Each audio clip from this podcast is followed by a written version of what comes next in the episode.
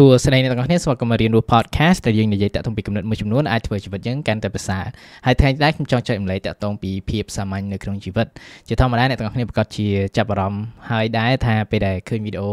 ខ្ញុំជាច្រើនឬក៏ឃើញការផុសផ្សេងៗរូបផ្ទាល់ខ្លួនអីចឹងឃើញខ្ញុំពាក់អាវពណ៌ប្រផេះដដែលៗអញ្ចឹងហើយនេះគឺជាអ្វីមួយដែលថាខ្ញុំចង់បង្ហាញទៅតាមតម្លៃដែលថាខ្ញុំឲ្យទៅលើណា value ដែលខ្ញុំឲ្យទៅលើគឺភាពសាមញ្ញហ្នឹង តាមពិតទៅក៏វាមិនត្រឹមតែការស្លៀកពាក់អីដែរប៉ុន្តែវាទៅលើផ្នែកផ្សេងៗជាច្រើននៅក្នុងជីវិតរបស់ខ្ញុំដូចឧទាហរណ៍ការហូបចុកគឺថាភាគច្រើនគឺថាខ្ញុំទៅញ៉ាំទៅកន្លែងដែរដែរហើយពេលទៅកន្លែងដែរហ្នឹងហៅទៅហូបដែរដែរពេលខ្លះគឺថាខ្ញុំចូលហាងមួយដែលឧទាហរណ៍ខ្ញុំ ចូលហាងកាហ្វេចុះចូលចិត្តទៅហាងកាហ្វេអញ្ចឹងណាទៅតែម្ដងពីរដងគេថាគេស្គាល់មកឃើញចូលទៅគឺពាក់អាវដូចគ្នាកំហងអ្វីដដែលដដែលអញ្ចឹងសួរចាំមែនតើហើយសំបីតម៉ូតសក់ហើយនឹងជំរឿផ្សេងផ្សេងក្នុងជីវិតរបស់ខ្ញុំគឺថាខ្ញុំតែងតែធ្វើឲ្យវាសាមញ្ញនិងកាត់បន្ថយការសម្រេចចិត្តរបស់ខ្ញុំនឹងហើយក្នុងរយៈពេលប្រហែលឆ្នាំហ្នឹងក្នុងការ practice នៃភាពសាមញ្ញទាំងអស់ហ្នឹងក៏វាជួយខ្ញុំច្រើនដែរដូចឧទាហរណ៍ថាវាធ្វើឲ្យខ្ញុំសល់ពេលវេលាច្រើនជាងមុនមានកម្លាំងជាងមុនព្រោះថាខ្ញុំអត់សូវចំណាយពេលក្នុងការគិតទៅធ្វើការសម្រេចចិត្តច្រើនព្រោះថាពីមួយថ្ងៃទៅថ្ងៃគឺថាយើងមានការសម្រេចចិត្តច្រើនមែនតើដែលយើងត្រូវធ្វើភ្ញាក់ពីគេងមកអូខេយើងត្រូវទៅធ្វើអីចូលបន្ទប់ទឹកឬក៏ចុះញ៉ាំអីហើយពេលយើងញ៉ាំអីយើងហៅគេយើងញ៉ាំអីគេឬក៏ពេលដែលយើងស្លៀកពាក់ហ្នឹងយើងបើកទូមកឃើញកៅអាវច្រើនពណ៌ច្រើនម៉ូតហើយយើងច្បាស់គិតទៀតថាថ្ងៃនេះគួរស្លៀកអីធ្វើម៉ូតសក់អីហើយ ទាំងអស់ហ្នឹងគឺថាពេលដែលយើងធ្វើការសម្រេចចិត្តក៏វាចំណាយនៅកម្លាំងច្រើនដែរដែលថាយើងជ្រើសរើសទាំងអស់ហ្នឹងហើយជំរើសរាប់រយរាប់ពាន់ដែលយើងជ្រើសរើសពីមួយថ្ងៃទៅមួយថ្ងៃហ្នឹងគឺវាមានទំងន់ខុសៗគ្នាដូចថាការដែលយើងជ្រើសរើសតាក់ទងពីអ្វីដែលយើងស្លៀកថ្ងៃហ្នឹងគឺប្រហែលជាមិនសំខាន់ដូចថា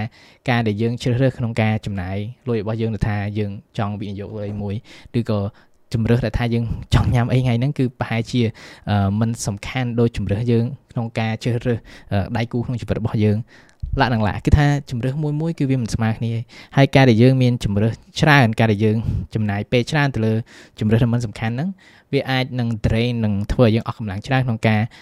ពេលដែលយើងត្រូវធ្វើជំរើសដែលសំខាន់ហ្នឹងគឺយើងអត់មានធម៌ពលខួរក្បាលគ្រប់គ្រាន់ក្នុងពេលហ្នឹងជាពិសេសដូចថាពេលយប់ចុះដែលយើងអាចធ្វើការសម្រេចចិត្តមួយដែលថា ល្អប្របីថាយើងអាចសម្រេចបានហើយជាធម្មតាការដែលយើងមានជំរើសច្រើនវាប្រកាសជាអ្វីមួយដែលល្អហើយនេះគឺជាអ្វីមួយដែលថាខ្ញុំយល់ដែរយើងអត់ចង់នៅក្នុងចំណុចមួយក្នុងជីវិតយើងដែលថាយើងមានជំរើសយើងអាចជ្រើសរើសបានទេវាដូចជាការដែលយើង apply ការងារថា5 6 7កន្លែងហើយយើងបាន offer ផែ4 5កន្លែងហ្នឹងទៅអញ្ចឹងការដែលយើងមានជំរើសយើងចាប់ផ្ដើមទៀងទាត់ទៅថាមួយណាល្អជាងការដែលមានជំរើសវាតែងតែល្អហើយប៉ុន្តែពេលខ្លះការដែលយើងមានជំរើសច្រើនពេកក៏វាអាចធ្វើឲ្យយើង ឈឺក្បាលផងដែរអានេះដូចជាទ្រឹស្ដីមួយដែលនិយាយដោយ philosopher ម្នាក់ឈ្មោះ Soren Kierkegaard គាត់និយាយថា anxiety is the dizziness of freedom មានន័យថាការដែលយើងថប់អារម្មណ៍ហ្នឹងគឺវាមកពីភាពវើមុខដោយសារសេរីភាពដែលយើងមានព្រោះថាការដែលយើងមានសេរីភាពយើងអាចជ្រើសរើសបានច្រើនអញ្ចឹងយើងតែងតែគិត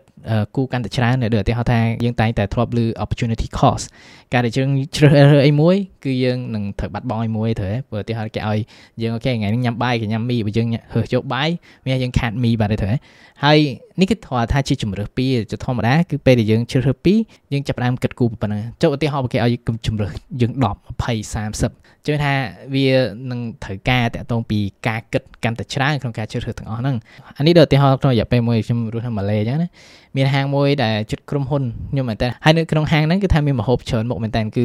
មានម្ហូបអឺរ៉ុបម្ហូបអារ៉ាប់ម្ហូបម៉ាឡេម្ហូបថៃម្ហូបអីគេថាច្រើនមែនតើហើយ ធរទំព័រនៃ menu របស់គេណា20 30 page និយាយទៅឡើងសឹងតែ100មុខអីហើយពេលខ្ញុំបើកម្ដងម្ដងតាហ្នឹងគឺថាឈឺក្បាលមែនតើគេថាដឹងសម្រាប់ចិត្តយកមួយណែគ្រាន់តែគួយមើលមនុស្សហ្នឹងគឺថាក៏ចំណាយពេលច្រើនដែរហើយគិតកាន់តែឈឺក្បាលហើយមុំធ្វើការសម្រាប់ចិត្តគឺថាបាក់មែនតើព្រោះថាពេលដែលខ្ញុំឃើញ100មុខហ្នឹងគឺថាខ្ញុំគិតទេឃើញអូខេ4 5ដែលខ្ញុំចង់បានហាអស់ហ្នឹងគឺថាចង់បានទាំងអស់អញ្ចឹង វាក៏ជាអ្វីមួយថាធ្វើឲ្យខ្ញុំឈឺក្បាលផងដែរតាក់ទងពីការកំងហ្នឹងហើយហេតុនេះហើយបាទខ្ញុំចូលចិត្តទៅតែហាងតែតែហៅអីតែតែអត់ចង់គិតគូរច្រើនហើយពេលខ្លះចឹងក៏មានពេលថាអត់ចង់ try អ្វីមួយថ្មីយូរយូរទៅម្ដងទៅសាកអ្វីដែលថ្មីទៅប៉ុន្តែនេះគឺជារូមួយដែលសម្រាប់ខ្ញុំគឺថាពេលដែលធ្វើអញ្ចឹងគឺថាវាអូតូម៉ាទិកយើងមិនបាច់ចាំគិតគូរច្រើនថ្ងៃហ្នឹងត្រូវទៅណាថ្ងៃអីគឺអូតូម៉ាទិកហ្មងបាច់ចាំ ធ្វើការសម្រេចចិត្តហើយក៏វាធ្វើឲ្យខ្ញុំសពេលវេលាហើយធម៌ពលច្រើនដែរក្នុងការធ្វើអ្វីផ្សេងៗទៀតដែលថាវាសំខាន់ហើយនៅក្នុង lifestyle នេះជាពិសេសគឺថាទៅលើការស្លៀកពាក់អញ្ចឹងខ្ញុំគិតថាវាប្រកាសជាមិនមែន for everyone ប៉ុន្តែអ្វីមួយដែលថាខ្ញុំចង់ចែកម្លែកណាយើងអាចមើលប៉ុណ្ណឹងអ្វីដែលយើងធ្វើពីមួយថ្ងៃទៅមួយថ្ងៃ តើអ្វីទៅដែលថាយើងអាចធ្វើឲ្យវាកាន់តែសាមញ្ញជាងមុនតើជំរឿនណាខ្លះដែលថាយើងគួរតែកាត់បន្ថយព្រោះថាការដែលយើងកាត់បន្ថយយើងអាចសល់ពេលវេលានិងសល់ធម៌ពលខួរក្បាលជាច្រើនក្នុងការធ្វើអ្វីផ្សេងៗទៀតថាវាកាន់តែសំខាន់ហើយសំណួរដែលខ្ញុំមានសម្រាប់អ្នកទាំងអស់គ្នាថ្ងៃនេះគឺបើសិនបើអ្នកទាំងអស់គ្នាអាចធ្វើឲ្យជីវិតអ្នកទាំងអស់គ្នាកាន់តែសាមញ្ញជាងមុនតើអ្វីទៅតើសកម្មភាពណាទៅដែលអ្នកទាំងជ្រើសរើសក្នុងការធ្វើឲ្យវាកាន់តែសាមញ្ញជាងមុនចឹងអ្នកទាំងអស់គ្នាមិនចាំបាច់គិតលើវាច្រើនពេក ហើយអាចសល់ពេលធ្វើអីផ្សេងបានកាន់តែច្រើនទៀតអញ្ចឹងអរគុណមែនទែនក្នុងការស្ដាប់អេពីសូតថ្ងៃនេះអញ្ចឹងចាំជួបថ្ងៃក្រោយហើយបើសិនមកអ្នកទាំងអស់គ្នាចូលចិត្តអេពីសូតនេះជួយ share អេពីសូតនេះហើយអាច support នៅក្នុង Patreon ផងដែរអញ្ចឹងចាំជួបគ្នានៅថ្ងៃក្រោយក្នុងឡងពេលនេះអភិវឌ្ឍខ្លួនជានិច្ច